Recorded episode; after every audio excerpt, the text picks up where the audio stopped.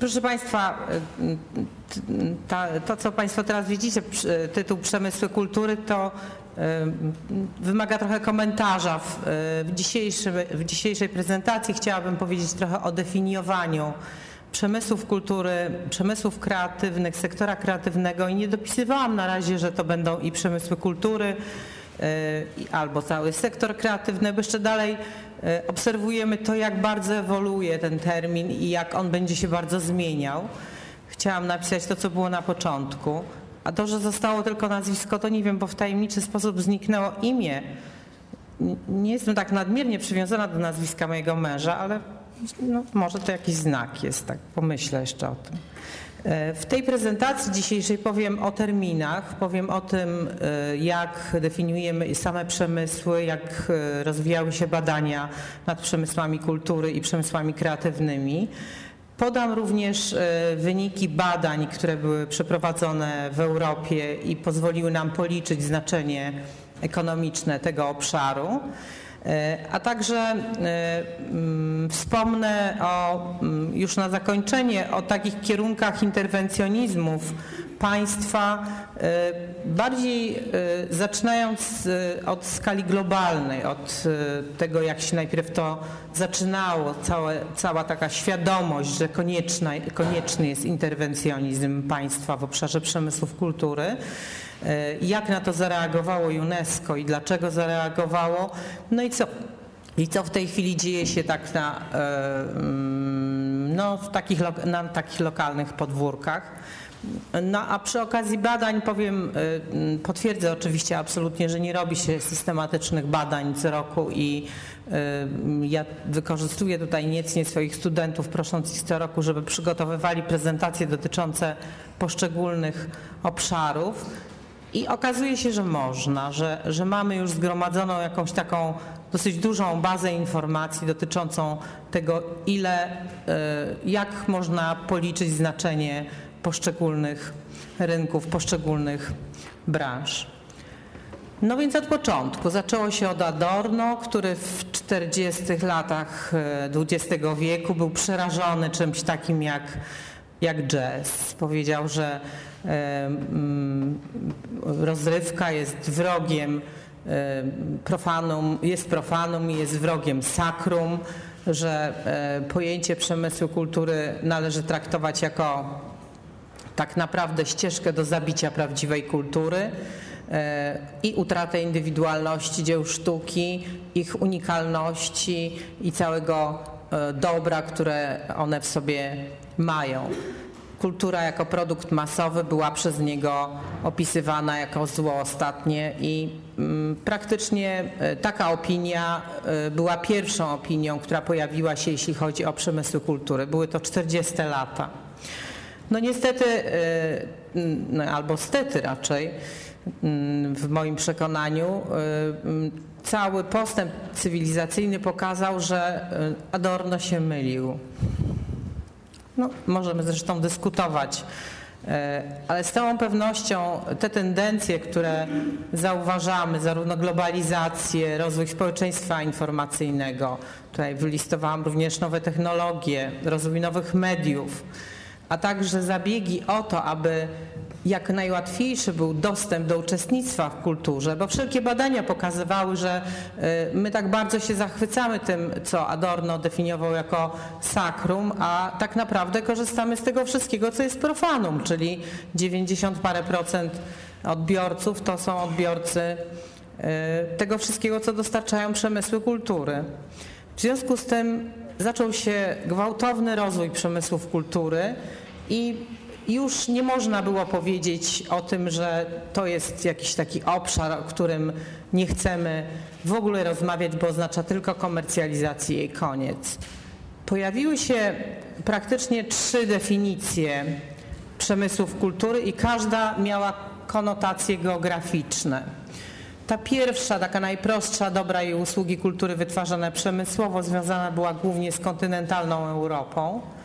Ta druga, prywatne przedsięwzięcia w dziedzinie kultury, czyli od prywatnych teatrów do rynku sztuki, to jest definicja brytyjska. E, a ta trzecia produkcja i dystrybucja dóbr chronionych reżimem praw autorskich to jest definicja, która pochodzi głównie ze Stanów Zjednoczonych. Można powiedzieć, że e, to, z czym mamy w tej chwili do czynienia, to jest cały czas e, albo modyfikacja, albo uszczegółowienie tego, co się na początku zaczęło kształtować wtedy, kiedy właśnie wszelkie tendencje rozwojowe, nowe w kulturze, pojawiające się tak właśnie, pozwoliły nam e, określić te obszary. E, oczywiście istnieje też definicja enumeratywna i ona w początkowym okresie jeszcze e, pod koniec XX wieku obejmowała takie obszary. Myślę, że to się nie bardzo różni od tego, co jest w tej chwili. Może nie jest tak bardzo szczegółowe jak to, o czym będziemy mówili, tutaj, będę o, o tym mówiła troszeczkę dalej. E, ta niezwykła ranga przemysłów kultury zaczęła być dostrzegana przede wszystkim w krajach rozwiniętych. Te kraje, e, te nowe demokracje europejskie, e, kraje rozwijające się były daleko w tyle. Tutaj widzicie Państwo nazwiska tych, którzy zaczynali jako pierwsi pisać o znaczeniu E, kultury w kontekście ekonomicznym i zajmować się przemysłami kultury. Oczywiście można by było tę listę e, bardzo wydłużyć.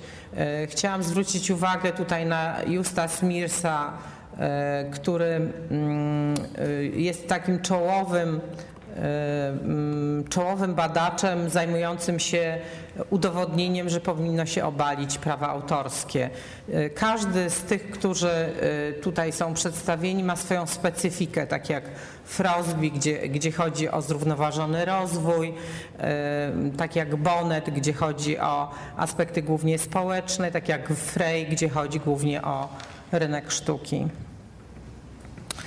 W Polsce e, te pierwsze badania kultury w Polsce pojawiły się w 1996 roku w Instytucie Kultury. Po raz pierwszy zorganizowaliśmy takie, przeprowadziliśmy takie e, ogarniające e, te wszystkie sektory badanie. Ono przede wszystkim wynikało z tego, że no, następowała bardzo znaczna transformacja i od czasów, kiedy e, te obszary były mocno, e, były absolutnie upaństwowione, bo to nie, nie można powiedzieć, że to była własność publiczna, tylko własność e, państwowa, centralna i jednocześnie zmonopolizowane, zaczęliśmy obserwować gwałtowny rozwój takiego rynkowego układu E, w tych obszarach. Przeprowadziliśmy badania takich e, przemysłów jak kinematografia, fonografia, wydawnictwa, telewizja, prasa. Jak widzicie Państwo, nie ma tutaj e, wielu takich dziedzin, o których w tej chwili możemy mówić, że możemy się z nich bardzo, z tego powodu, że one są, możemy się pochwalić. Na przykład nie ma tutaj reklamy. Jeszcze wtedy reklamy nie mieliśmy na tyle rozwiniętej, żeby warto było szczerze mówiąc, cokolwiek badać. Sprawdzaliśmy, jaka jest organizacja rynku, jaka jest struktura własnościowa, jaki jest interwencjonizm państwa i jaka jest e, oferta. Przez wiele, wiele lat to badanie było takim podstawowym badaniem całościowym e, przemysłów kultury. Z żalem stwierdzam, że do tej pory tego typu całościowe badanie nie zostało powtórzone. Nie znaczy to, że nie ma badań wyrywkowych dotyczących poszczególnych dziedzin, to są badania głównie o charakterze marketingowym, ale też nie, i, i że nie ma badań dotyczących poszczególnych obszarów. Ja otrzymałam ostatnio takie wyniki badania przeprowadzonego e, w Warszawie i zauważyłam, że z ogromnym trudem na, na 80 stronach autorom udało się policzyć e, instytucje, które zaliczane są do tego sektora i to jest właściwie główne osiągnięcie całego badania. Natomiast jeszcze w tej chwili takich całościowych badań, które by mówiły o sile ekonomicznej sektora, o tym, jakie, jakiego rodzaju mają możliwości w tworzeniu miejsc pracy, nie ma. I to jest chyba największy problem tutaj u nas w Polsce. No i nagle są lata 90., kiedy pojawia się również termin przemysły kreatywne. Początkowo był on bardzo związany z Wielką Brytanią. Tam powstawały różne takie zespoły celowe zajmujące się badaniem przemysłów kreatywnych, definiowanych bardzo, bardzo różnie.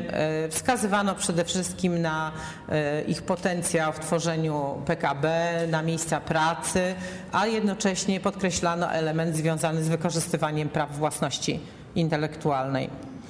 No i nagle ta lista e, przemysłów kultury, a przemysłów kreatywnych się wydłuża tutaj i widzimy podział na reklamę, filmy, wideo, architekturę, muzykę, rynek sztuki i antyków, sztuki performatywne, gry komputerowe i wideo, rynek wydawniczy, rzemiosło, oprogramowanie, wzornictwo, radio i telewizję, projektowanie mody. Jak widzicie Państwo, sztuki performatywne to już nagle zaczyna być taki obszar, który do tej pory przez nas nigdy nie był traktowany ani zaliczany do przemysłów kultury. E, z całą pewnością pokrywa się to z anglosaską definicją przemysłów kultury, która mówiła, że wszystko to co prywatne, więc możemy założyć, zalicza się do przemysłów kultury, więc możemy założyć, że chodziło tutaj głównie o ten prywatny segment sztuk performatywnych. Kolejne e, definicje, enumeracje, bardzo ważne. Zaraz powiem, dlaczego takie strasznie ważne e, przemysłów kreatywnych, też brytyjskie. E, są takie, sztuka dzielona na sztuki performatywne, fotografie, sztuki wizualne, wydarzenia artystyczne, E, następnie kolejny segment media i rozrywka, film, sektor audiowizualny, literatura i dziennikarstwo i usługi biznesu kreatywnego. Już tutaj design, moda, architektura, nowe media i gry, reklama. Mamy tutaj klasyfikację KTAD-u, którą Pani również e, cytowała. E, ona e, jest, no, jest w tej chwili chyba taką klasyfikacją najbardziej popularną, mimo tego, że nie doprowadziła do tego, żeby tak ostatecznie liczyć ten sektor w sposób bardzo znaczący, bo, bo ten, kto policzył, to był, to był Kern i zaraz o nim będę mówiła.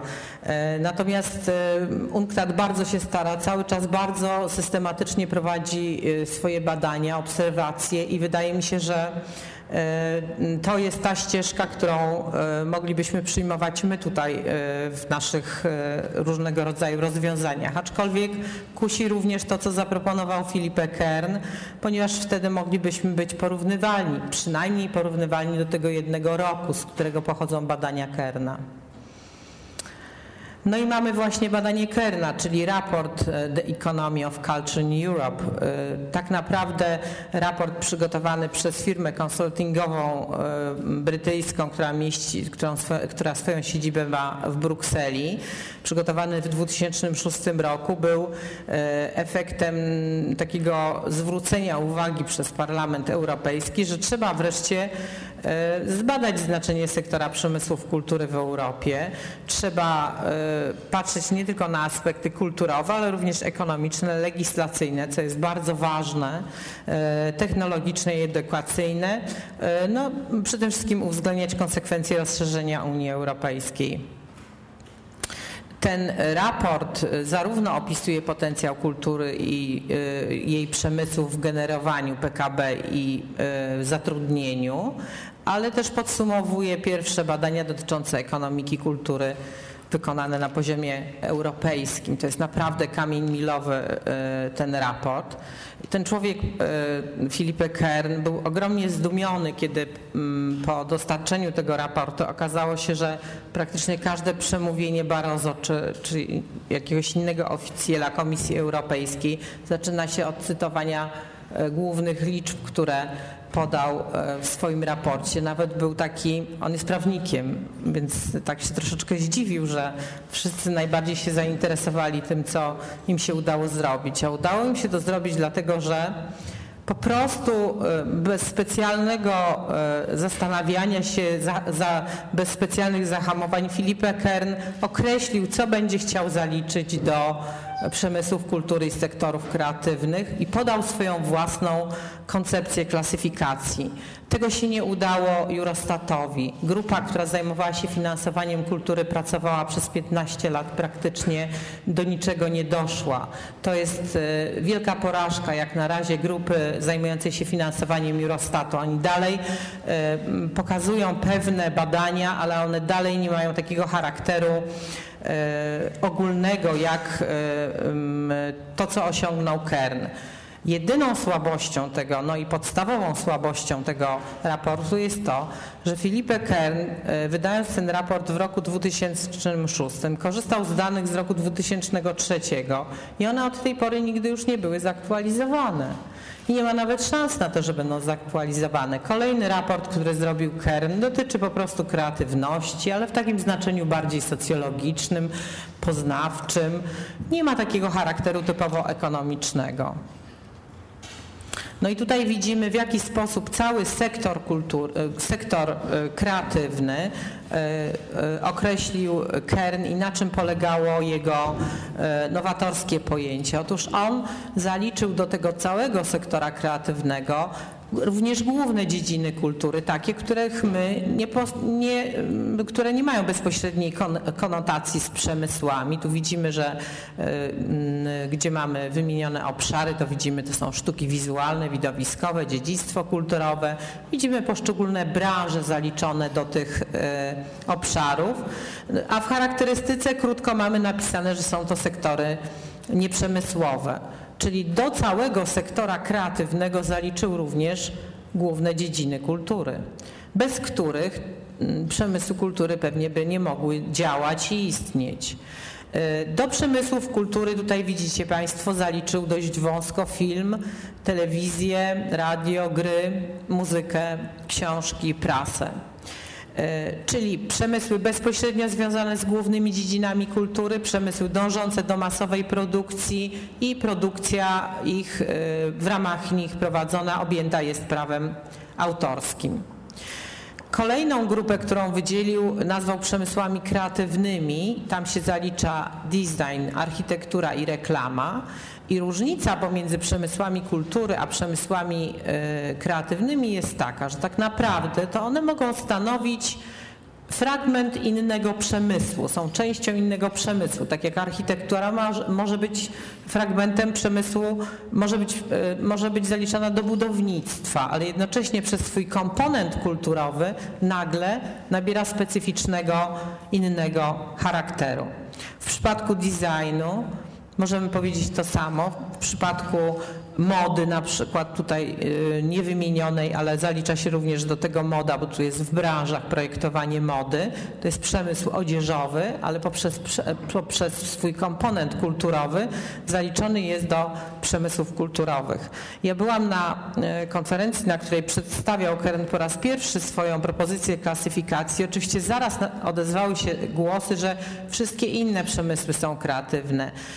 I wydobycie węgla też jest kreatywne, i produkcja samochodów też jest kreatywna. I, i dlaczego inni nie są kreatywni? Ale no coś trzeba było wybrać, więc biedny Kern w ogóle marnie wtedy wyglądał po tej dyskusji, bo wszyscy byli kreatywni i, jesteśmy wszyscy, ale może niekoniecznie trzeba było tak to wszystko policzyć. E, jednocześnie zdefiniował tak zwane przemysły pokrewne, gdzie Zaliczył produkcję PC, produkcję odtwarzaczy, MP3, przemysł telefonii komórkowej, czyli tych wszystkich urządzeń, które pomagają nam korzystać e, z przemysłów, e, z, cał, no, z całego tego dorobku sektora, całego już w tej chwili sektora kreatywnego. No i teraz jakie miało efekty? Tutaj są te dane, które e, tak bardzo uczyniły go znanym. E, widzimy tutaj e, obroty. To jest, dla mnie to jest marzenie, żebyśmy mogli zrobić po prostu taki jeden slajd dotyczący Polski w tej chwili, e, w roku 2010, a potem powtórzyć go na przykład w roku 2012, 2014 i tak dalej. Tak, żeby to nie było tylko z jednego roku i żeby to nie była taka troszeczkę sufitologia. Tym bardziej, że Kern mówi, że z całym szacunkiem dla tych wszystkich obliczeń, to on sobie zdaje z tego sprawę, że wiele razy mm, posługiwał się e, mm, klasyfikacjami i informacjami pochodzącymi z różnych krajów, niekoniecznie przez niego sprawdzonymi. Czyli dobrze by było, żeby się zajmował tym w porozumieniu z Eurostatem, który wprowadziłby jednakową metodę obliczeń. Mamy obroty 654 miliardy euro w 2003 roku. E, I to jest bardzo ciekawe, jak pokazuje to Kern, to bardzo zostało inteligentnie zrobione. On pokazuje, że są to takie obroty, ale jednocześnie pokazuje, że obroty przemysłu samochodowego w 2001 roku to było 271 miliardów euro. E, obroty sektora ICT w 2003 roku to 541 miliardów euro. Wartość dodana do PKB no to to jest e, znany procent, który moi studenci, to jest spędza sens powiek pewnie moim studentom, takie główne pytanie egzaminacyjne, ale e, to 2,6% PKB Unii Europejskiej w 2003 roku w porównaniu z takimi e, wielkościami jak obroty na rynku nieruchomości, proszę sobie wyobrazić tylko 2,1%, przemysł chemiczny 2,3%, przemysł spożywczy i tytoniowy 1,9%, przemysł tekstylny 0,5% PKB. Tutaj widzimy dopiero siłę wkładu sektora kulturalnego i kreatywnego. E, widzimy tutaj również udział we wzroście gospodarki. E, wtedy był jeszcze wzrost, kiedy e, nie było mowy o, o kryzysie, w związku z tym mógł sobie tak ładnie napisać udział we wzroście. I widzimy, że akurat wzrost tego sektora jest znacznie bardziej dynamiczny niż w przypadku innych sektorów i to jest wyższy o 12% niż w całej gospodarce. E, również bardzo ciekawe dane dotyczyły zatrudnionych, te 5,8 milionów osób, stanowiące 3,1%, brakuje tego, słowa, tej, te, tego znaku procentów, wszystkich aktywnych zawodowo. To było coś jednak, to była bardzo informacja ważna, tym bardziej, że podkreślano, że 48% zatrudnionych to są ludzie bardzo wysoko wykształceni, to są z reguły ludzie z wykształceniem przynajmniej wyższym, a średnia w społeczeństwie jest 25% mniej więcej osób e, z wykształceniem wyższym. Jeśli chodzi o osoby, które same tworzą swoje e, warsztaty pracy, czyli są osobami niezależnymi i pracują jako wolni strzelcy, to e, jest to dwa razy większy udział niż w przypadku innych zatrudnionych w innych dziedzinach. E, mamy tutaj e, znaczny też odsetek osób zatrudnionych w niepełnym wymiarze godzin, czyli takich osób, które są przygotowane na zmianę zawodów w pewnym momencie i są chyba najbardziej cenionymi pracownikami przez to, że e, nie trzeba im tworzyć własnego mm, miejsca pracy. E, tutaj e, pokazana jest Polska na, mm, e, na tle innych krajów i to, muszę powiedzieć, że się nie zgadzam z tymi wskaźnikami, które Pani przedtem podawała. Te 4,5% to taka bajka trochę, jeśli chodzi o Polskę. To tak, nie ma na to dowodu, żeby to było aż tyle. E, bardziej się zgadzam z mm, tym, że to jest 1,2%, tym bardziej, że średnia jest 2,6%. To, to oznaczałoby, że my jesteśmy, jeśli chodzi o ten sektor, y, lepsi niż Wielka Brytania, która osiągnęła 3%, więc tak trochę nie wiem skąd i w jaki sposób były policzone akurat tamte dane. Wydaje mi się, no, no nie wiem, po prostu mm, jestem tym zdumiona.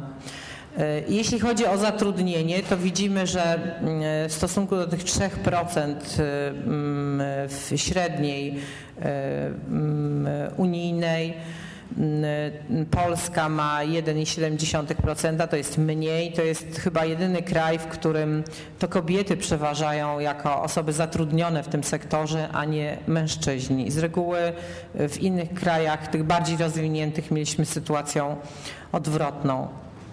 Chciałam również pokazać e, dane Eurostatu, które e, pojawiły się no już chyba tak trochę pod wpływem mm, tego, co zrobił Kern, takie potwierdzające raczej to, co Kern robił, zrobił i osiągnął.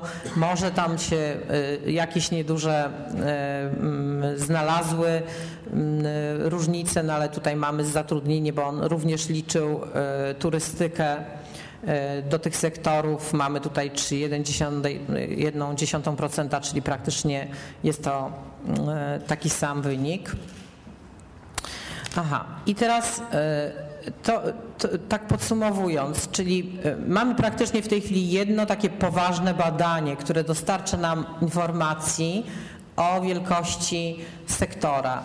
E, mamy to badanie z roku 2006, ale tak naprawdę dotyczące danych z roku 2003, czyli e, chyba teraz wszyscy powinniśmy się o to wspólnie postarać, żeby te badania były aktualizowane i żeby aktualizowane były w sposób systematyczny.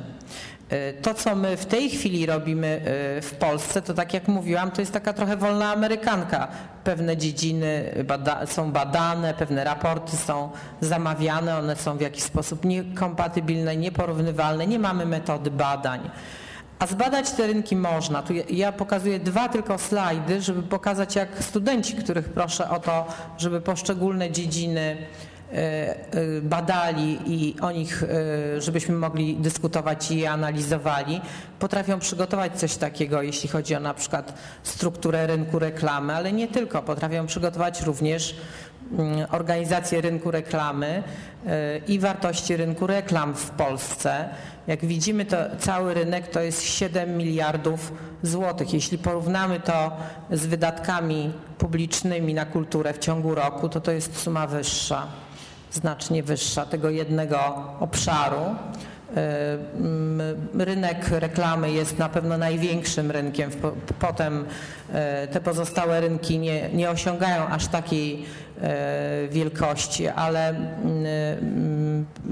aż takiej wysokości liczbowej, ale mimo wszystko i takiego potencjału, ale jednak no, mówi nam to o czymś, że jeżeli cały czas tak bardzo, bardzo przyglądamy się dokładnie wydatkom, które mamy w obszarze sektora publicznego, a tak jak mówię, y, z tych powiedzmy tam 6 miliardów jeszcze tylko 20% wydawane jest na szczeblu centralnym, dlatego tak namawiam, żeby to było, y, żeby zabiegać o 1% z PKB, a nie z budżetu, bo to wtedy y, jednak jest, to są zupełnie inne pieniądze to, to widzimy już, że no jest się o co bić po prostu i jest e, po co e, tłumaczyć, że e, razem te obszary tworzą rynek, mm, tworzą życie kulturalne w kraju. Jeśli chodzi o interwencjonizm państwa, ten interwencjonizm państwa w obszarze przemysłów kultury, początkowo jak, jak robiliśmy w Instytucie Kultury badanie przemysłów kultury, to nawet często mm, ci wszyscy, którzy już byli zmęczeni wieloletnim e, interwencjonizmem państwa, mówili, że już mają tego dosyć, że chcą tylko, żeby państwo nie przeszkadzało i niczego więcej nie chcą. Najbardziej tutaj była wtedy dzielna, przeżywająca i, i ambitna, przeżywająca swój boom fonografia. E, jej e, wzlot skończył się wraz z pojawieniem MP3 i jednocześnie nieuporządkowaniem spraw autor, e, prawa autorskiego, kwestii prawa autorskiego i piractwa. I chyba już tak, tak samo by nie mówili w tej chwili. Natomiast każdy z przemysłów zwraca uwagę na chęć pewnego rodzaju interwencjonizmu państwowego. Oczywiście raczej w formule pośredniej, to znaczy poprzez różnego rodzaju uprzywilejowania podatkowe, poprzez różnego rodzaju możliwości dofinansowywania projektów, a nie takie objęcie patronatem publicznym a priori. E, o tym objęciu patronatem szczególnych dwóch dziedzin, może trzech, ale przede wszystkim dwóch, powiem e, za chwilę w kontekście e, deklaracji UNESCO.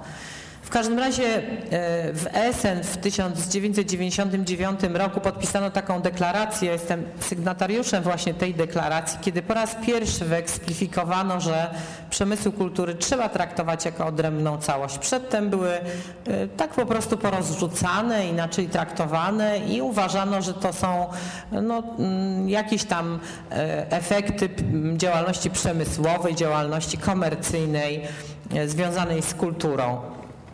Stwierdzono, że trzeba dbać o wysoki poziom, e, o szkolenia. E, podkreślano to, że e, regionalizacja przemysłów kultury to, no, to jest danie odporu globalizacji. No, bezpośrednio mówiono o ich, ich wpływie na wzrost PKB i na tworzenie miejsc pracy. Mm, no i na to, żeby przemysły kultury były uwzględniane w strategiach e, dotyczących rozwoju polityki kulturalnej. To było już w 1999 roku. Wtedy też mówiono o tym, że więcej środków z funduszy strukturalnych powinno iść na ich promocję. E, no i do, dotknięto tematu harmonizacji ram prawnych i ekonomicznych, nie przeczuwając chyba jeszcze, jak bardzo ta kwestia będzie potrzebna. E, w 2005 roku. Co się stało w 2005 roku? Oraz otóż w 2005 roku została przyjęta konwencja UNESCO dotycząca różnorodności kulturowej. Tam w artykule 20 jest wyraźne zalecenie wsparcia rodzimych przemysłów kulturalnych zdolnych do zaistnienia zarówno na szczeblu krajowym, jak i międzynarodowym. Dlaczego to jest takie ważne i dlaczego to spowodowało takie e, problemy? Otóż kraje, które e, najpierw głosowały za przyjęciem tej konwencji, a potem ją kolejno ratyfikowały, to są kraje, które należą do Światowej Organizacji Handlu.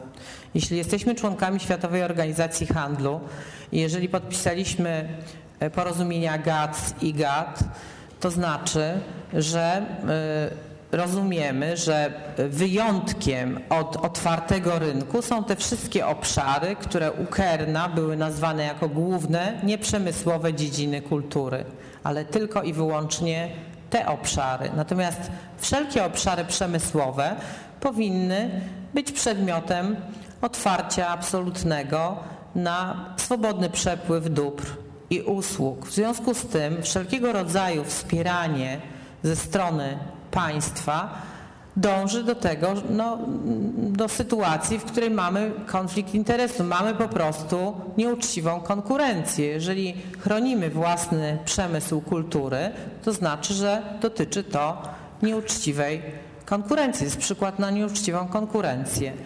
Ta, konwe ta, konwencja, ta konwencja umożliwiła nam w artykule 20 przede wszystkim właśnie wspieranie kinematografii, fonografii w sposób taki absolutnie zgodny z prawem.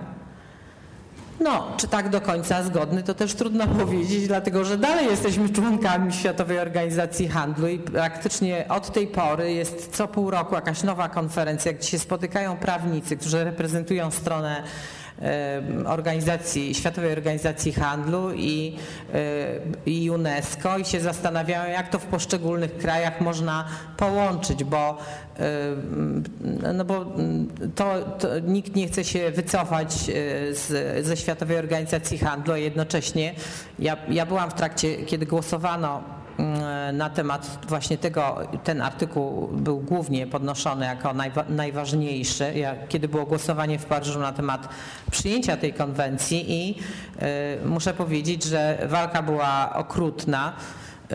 Kondoliza Rice przyjechała, żeby udowadniać, że to jest w ogóle bez sensu ta, ta konwencja i jak bardzo dużo Stany Zjednoczone na tym stracą.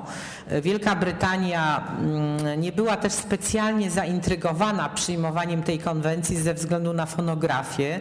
Chcieli, żeby anglojęzyczne piosenki docierały wszędzie i żeby e, nie było e, dofinansowywania e, produkcji muzycznej i fonografii. Natomiast ja usłyszałam potem litanie wygłaszających krótkie bardzo oświadczenia ministrów kultury łącznie e, z Gilberto Gilem e, z Brazylii, którzy mówili, że oni chcą mieć własną kinematografię i własną fonografię i bardzo chcą przyjęcia tej konwencji. Konwencja, mimo ostrego sprzeciwu Stanów Zjednoczonych, mimo ostrego sprzeciwu Japonii, Australii, Kanada chyba się zgodziła, ale Izrael oczywiście się nie zgodził, on zawsze popiera Stany Zjednoczone, więc to była taka, mm, to już było zrozumiałe. Przy sprzeciwie Korei została przyjęta. Przyjęta została między innymi dlatego, że, że po raz pierwszy wtedy Unia na szczeblu międzynarodowym występowała i mówiła jednym głosem. Nie pozwolono na to, żeby Francuzi kłócili się z Anglikami. Ta konwencja oczywiście nawiązywała w jakiś sposób do wyjątku kulturowego, który kiedyś był koncepcją francuską. Nie pozwolono na to, żeby mm, mm, takie partykularne interesy Unii y, jakoś zaszkodziły. Przyjęto konwencję. W tej chwili mamy problemy z ratyfikacją i z upowszechnianiem informacji o tej konwencji. W poszczególnych krajach powstają takie e, specjalne koalicje na rzecz upowszechniania konwencji. Ja e, myślę, że u nas to wszystko jeszcze trochę działa za słabo, nie mówi się o tym, ale tak naprawdę to e, w tej chwili mamy już pełną prawną otwartość do tego, żeby wspierać przemysły kinematograficzne i fonografię niezależnie od innych uwarunkowań. No i teraz e, przejdźmy do takiego ostatniego przykładu, który pokazuje, jak można wspierać kulturę e, w obszarze przemysłowym, nie tylko e, mm, nie w taki tradycyjny sposób jak do tej pory. Otóż w ostatnim czasie pojawiło się wiele inicjatyw dotyczących tworzenia klastrów przemysłów kultury i sektora kreatywnego. Pokazuję tutaj jeden z przykładów, jeden z przykładów, z którym tutaj bardzo się z autorem tego pomysłu, Bartkiem Jaduszewskim, borykamy, ponieważ znajduje on pełne niezrozumienie naprawdę. Wszyscy uważają jak klaster, jak słowo klaster to w ogóle już przechlapane. Jak, jak przemysły, no to jak przemysły, to niech się przemysły tam utrzymują same, prawda? Przemysł wyżywi się sam jak rząd. W związku z tym mamy dużo problemów z tym, żeby, żeby przekonać, że to jest warto, żeby y, samorządy miast, żeby y, no państwo, może już nawet nie, ale przynajmniej samorządy miast, regionów wykazywały pełne zrozumienie dla tego, że warto stawiać na rozwój sektora kreatywnego, bo to jest nasza przyszłość i hasło innowacje będzie nam otwierało